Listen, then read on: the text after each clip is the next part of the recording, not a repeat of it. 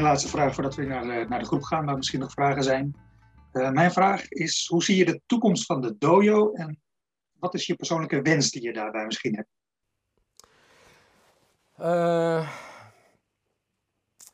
nou, mijn wens is altijd van, uh, uh, Imajuku leeft voort, ook als wij er niet meer zijn.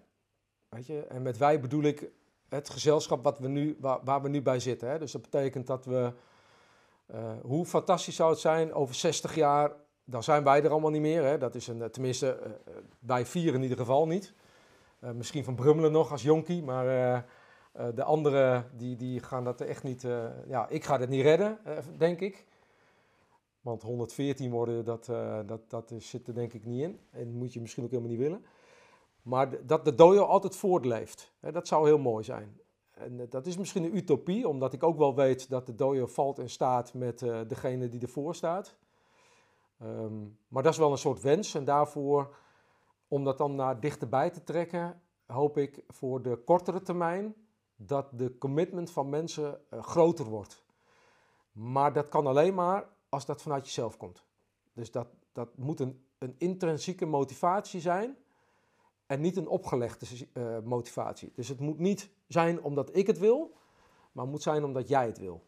En uh, ik hoop dat dat bij de mensen, vanuit de mensen gaat komen.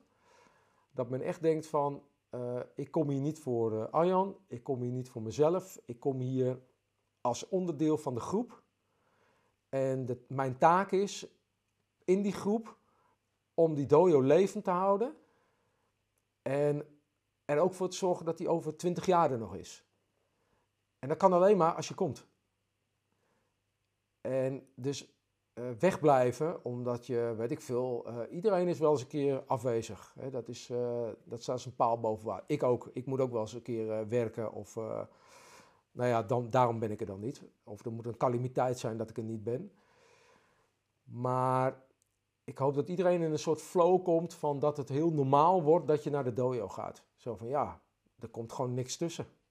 Ongeacht wat. Ik, ik, ik zet gewoon alles opzij. Want je merkt gewoon in deze maatschappij dat, uh, dat men uh, werk heel erg als prioriteit één zet. En uh, omdat daar flexibel werken ineens heel erg belangrijk wordt. En dat mensen verlangen dat je ook gewoon, als er wat gebeurt, dat je dat in je avonduren mag zitten oplossen. En daardoor ga je niet naar de training. Ik ben echt van mening, daar ben je zelf bij. En um, ook ik kan niet zeggen, als we een informatieavond hebben voor ouders, ja, sorry, maar ik moet vanavond trainen. Dus dat weet ik ook wel. Maar dat, is, dat, is, dat vind ik geen situatie. Maar het is meer zo van, eh, in hoeverre kan je uh, dingen plannen, zodat je je trainingsavond vrij houdt en dat je op een ander moment de dingen doet die je moet doen. En ik denk dat heel vaak dat best wel te plannen is.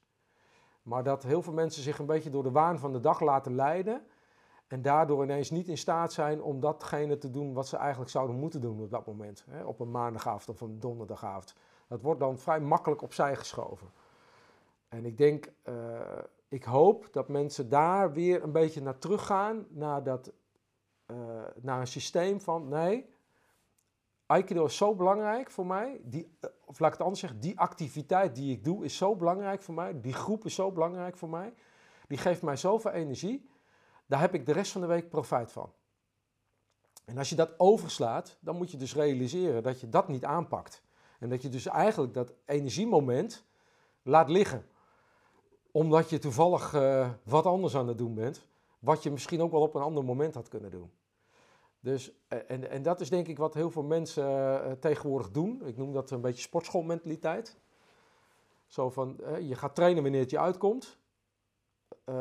maar er is dan ook niemand die op je zit te wachten.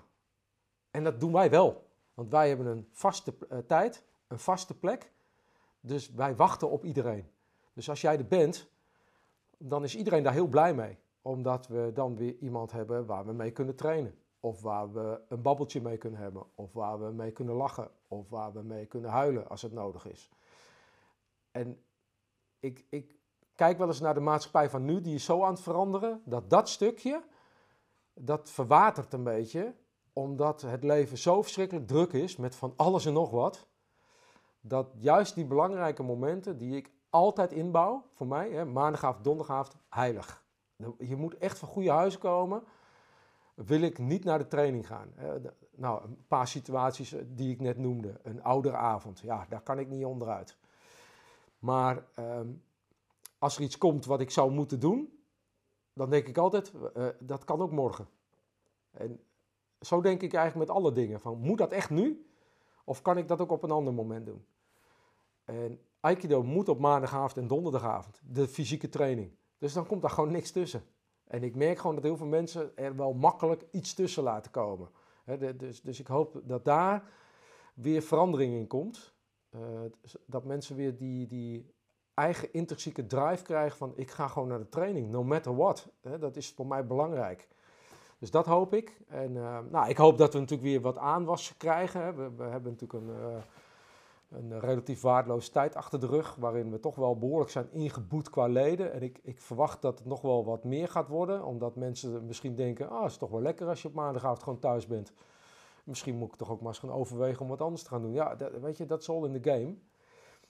Um, en ik hoop dat zodra we dit achter de rug hebben, uh, dat we weer gewoon uh, kunnen groeien en dat we weer nieuwe aanwas krijgen en dat we weer mensen kunnen enthousiasmeren en weer in die groep kunnen zuigen en uh, weer naar een bepaald niveau kunnen brengen en, en of vanaf dat niveau met elkaar kunnen blijven trainen. Dus dat is ook een van mijn wensen voor de toekomst. Ja, heel herkenbaar pad inderdaad, wat Lieden moet, moet bewandelen. Ja. En, en, zeker, het zou zeker heel mooi zijn als, het, als Imajuku vol blijft, uh, blijft leven. Uh, dat, was, dat was mijn laatste vraag. Dan gaan we weer even naar de groep. Kijken of daar nog mensen zijn die, die misschien een vraag hebben. Hi Henk. Sigrid. Sigrid is er ook. Ja, oh, die, die komt... maar die komt wel weer terug zometeen. Ja, ja, ja. ja, ja.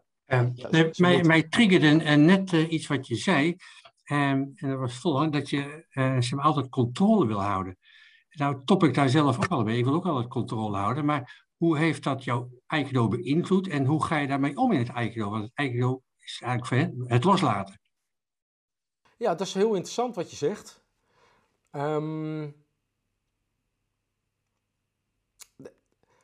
ik kan daar wel een, een, een, een splitsing in maken hoor. Ik kan wel uh, tenminste denk ik, dat ik, vrij, dat ik heel vrij kan bewegen. Uh, dat, dat lukt me wel. Maar controle wil ik vooral houden als het gaat om dingen die georganiseerd moeten worden. Een uh, stage of weet ik veel wat. Dan, dan wil ik nog wel eens daar mij mee bemoeien. Of een interview waarvan ik dan denk, ja oké, gaat iedereen zijn camera wel uitzetten? Of, terwijl ik dat al lang besproken heb. Maar zelfs dan nog um, hou ik die controle erin, omdat ik wil dat dat goed loopt. Maar op de mat heb ik dat, heb ik dat minder. Ik kan op de mat kan ik wel in een techniek helemaal losgaan en, en vrij bewegen. En zeker als het wat meer, ehm, als ik even los ben van het vier keer voordoen van een techniek. En ik, en ik heb daarna het gevoel dat ik met iemand even een goede klik heb op de mat. Dus dan ga ik nog even door. En dat kunnen zeker het drietal wel beamen, dat ik dan eventjes nog doorzet en ineens andere technieken doe of weet ik veel wat. En nou, dan, dan kan ik ook even wel uh, losgaan. Dus dan kan ik de controle wel heel erg loslaten. Terwijl misschien bij het voordoen die controle wel wat meer is, omdat ik een piketpaaltje wil neerzetten. Dus dan ben ik wel wat meer gecontroleerd. Maar zodra dat dan even weg is, dan, uh, ja, dan kan ik ook wel weer losgaan. Dus ik, ik kan het wel van elkaar scheiden. Hoop ik. Maar ja, dat moeten jullie ook woorden natuurlijk, hè? ja. Af en toe lekker losgaan, zeker. Absoluut. Wel blijven doen. Sigrid, denk ik. Ja, ik uh, dacht ik laat traditiegetrouw uh, Henk eerst. Um, uh, eigenlijk, uh, Arjen zei net van, ja, eigenlijk, ik ben Aikido. Um, dus hoe beïnvloedt Aikido jou buiten de dojo? in je werk of in je dagelijks leven? Oké. Nou, ik ben Aikido. Ik, ik probeer Aikido te zijn. Ik denk dat dat een betere uitspraak is. Want als ik het, zou, als ik het ben, dan heb ik niks meer te leren, denk ik. En voor mijn gevoel sta ik ook nog aan een, aan een beginpunt. En uh, heb ik nog voor mezelf heel veel te leren? Wil ik nog naar een bepaald stadium toe waarvan ik nog niet weet uh, dat dat bestaat? Uh, dus daar ben ik nog steeds mee aan het leren. En buiten Aikido om probeer ik de principes van Aikido zoveel mogelijk toe te passen. Als samen dezelfde kant op kijken, dingen samen doen. Alleen dat gaat heel vaak hopeloos gaat dat mis. Wat denk ik ook uh, heel menselijk is, wat denk ik ook een beetje in mijn karakter zit. Um, want ik kan best fel zijn. Dat heb je vast nog niet gemerkt, maar uh, dat, kan, kan ik wel. En dat, dat maak ik dagelijks mee. Alleen, ik realiseer het me altijd wel. Misschien niet op het moment suprem dat ik het zou moeten realiseren, maar altijd wel daarna. En dat is dan voor mij weer een leerproces. Om dan, als de situatie zich weer voordoet, om dan even te denken, om misschien dan even tot uh, vijf te tellen. En denken, oké, dit hebben we eerder bij de kop gehad, dus nu moet ik het toch even een beetje anders aanvliegen. En dat kan zijn met een leerling die ik, uh, waar ik wat te fel op heb gereageerd. Of, uh, en die dan op een bepaalde manier terugreageert. Waarvan ik denk, oh, dat was voor mij toch niet zo handig. En dan probeer ik dat de volgende keer toch wel weer anders te doen of met ouders, of met je eigen kinderen, of in je eigen relatie. Uh, iedereen maakt daarin heel vaak dezelfde fouten. En ik heb het wel eens verteld, maar ik hoorde dat uh, Sugnuma Sensei ging naar de training met een bepaald doel en die wilde zacht zijn. En aan het eind van de training bij Kokyo zei iemand van uh, Sensei, je bent zo hard als steen. Nou, oké. Dat was dus een mislukte training eigenlijk, want het was niet wat hij voor ogen had. Dus, hè, dus je, gaat, je hebt altijd wel een bepaald doel, maar of het altijd bereikt wordt, ja, dat is volgens mij een proces van, van jaren. En uh, misschien uh, als ik uh, oud ben, dat ik dan de fouten niet meer maak. En, en wellicht komt het door dat je altijd met Aikido bezig bent. Maar ik denk wel dat Aikido het verrijkt, het versterkt het idee van het kan ook, je kan het ook via een andere weg benaderen. Want Aikido kent heel veel manieren van dingen doen. En die kan je wel, die, dat kan je wel gebruiken in je dagelijks leven. Van oké, ik kan linksaf, ik kan rechtsaf. Er is niet altijd maar één, uh, één weg. Alleen ja, dat is voor mij wel heel belangrijk om daarmee bezig te zijn. Want ik ben wel iemand van uh, rechtdoor. Maar ik heb inmiddels ook wel geleerd van, dat je soms linksaf of soms rechtsaf moet gaan. En soms doe ik het ook niet, bewust. Omdat ik dan denk van ja, het, het, het, is niet altijd goed om linksaf of rechtsaf te gaan. Omdat het anders gewoon niet duidelijk wordt. En dat doe ik in Aikido ook. Soms ga ik in één keer rechtdoor dat je het niet verwacht. Maar dan doe ik het wel. En dan ineens schrik je en denk je, oh oké, en baf, daar lig je. En de andere keer gaat het weer heel erg rond en denk je, oh ja, dat is die kant op. En dan ga je netjes mee. Dus Aikido kent daarin ook verschillende routes. Heel erg ontwijkend, maar ook heel erg rechtdoor en dat probeer ik wel toe te passen op de juiste momenten. Dus dat is een beetje wat ik, uh, hoe ik het in het dagelijks leven uh, aanpak. Maar het is steeds, nog steeds niet gegarandeerd dat dat door Aikido komt. Maar ik hou het me gewoon zelf voor. Dat het er wel door komt. Ja.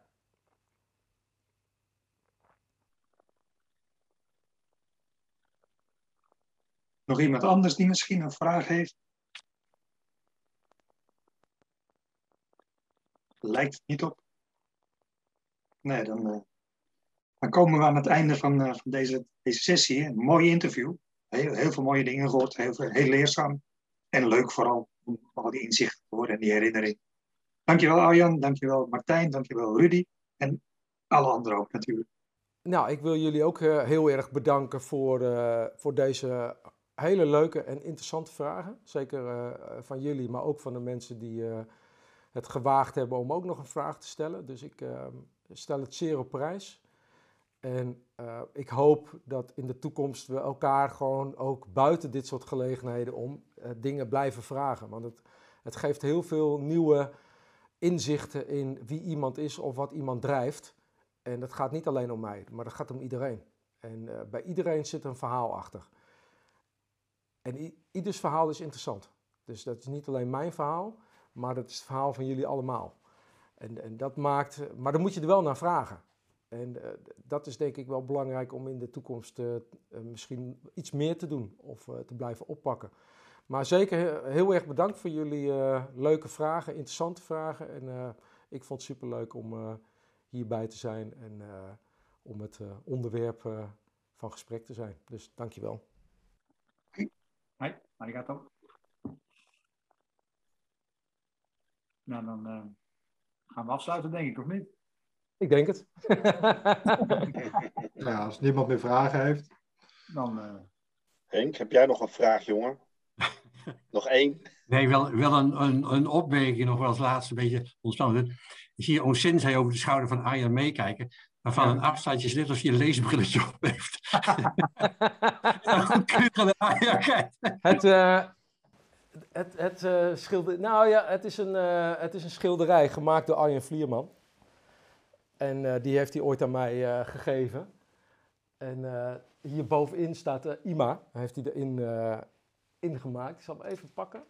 Zo, ik kan hem iets beter zien. Even zo voor de camera. Ja, ja, ja. Kijk, dan zie je dat hij geen brilletje op heeft. Maar hij heeft wel zijn mooi baardje. En bovenin staat dus inderdaad Ima. Die heeft hij, de, heeft, hij de, heeft hij erboven gezet. Dus die heb ik al een heel poosje. En ja, die hangt in mijn huis. Dus dat is, dat is heel leuk. Nou, dan wens ik jullie een hele fijne avond en een fijn weekend. En dan zien we elkaar volgende week maandag weer op de mat, zou ik zeggen.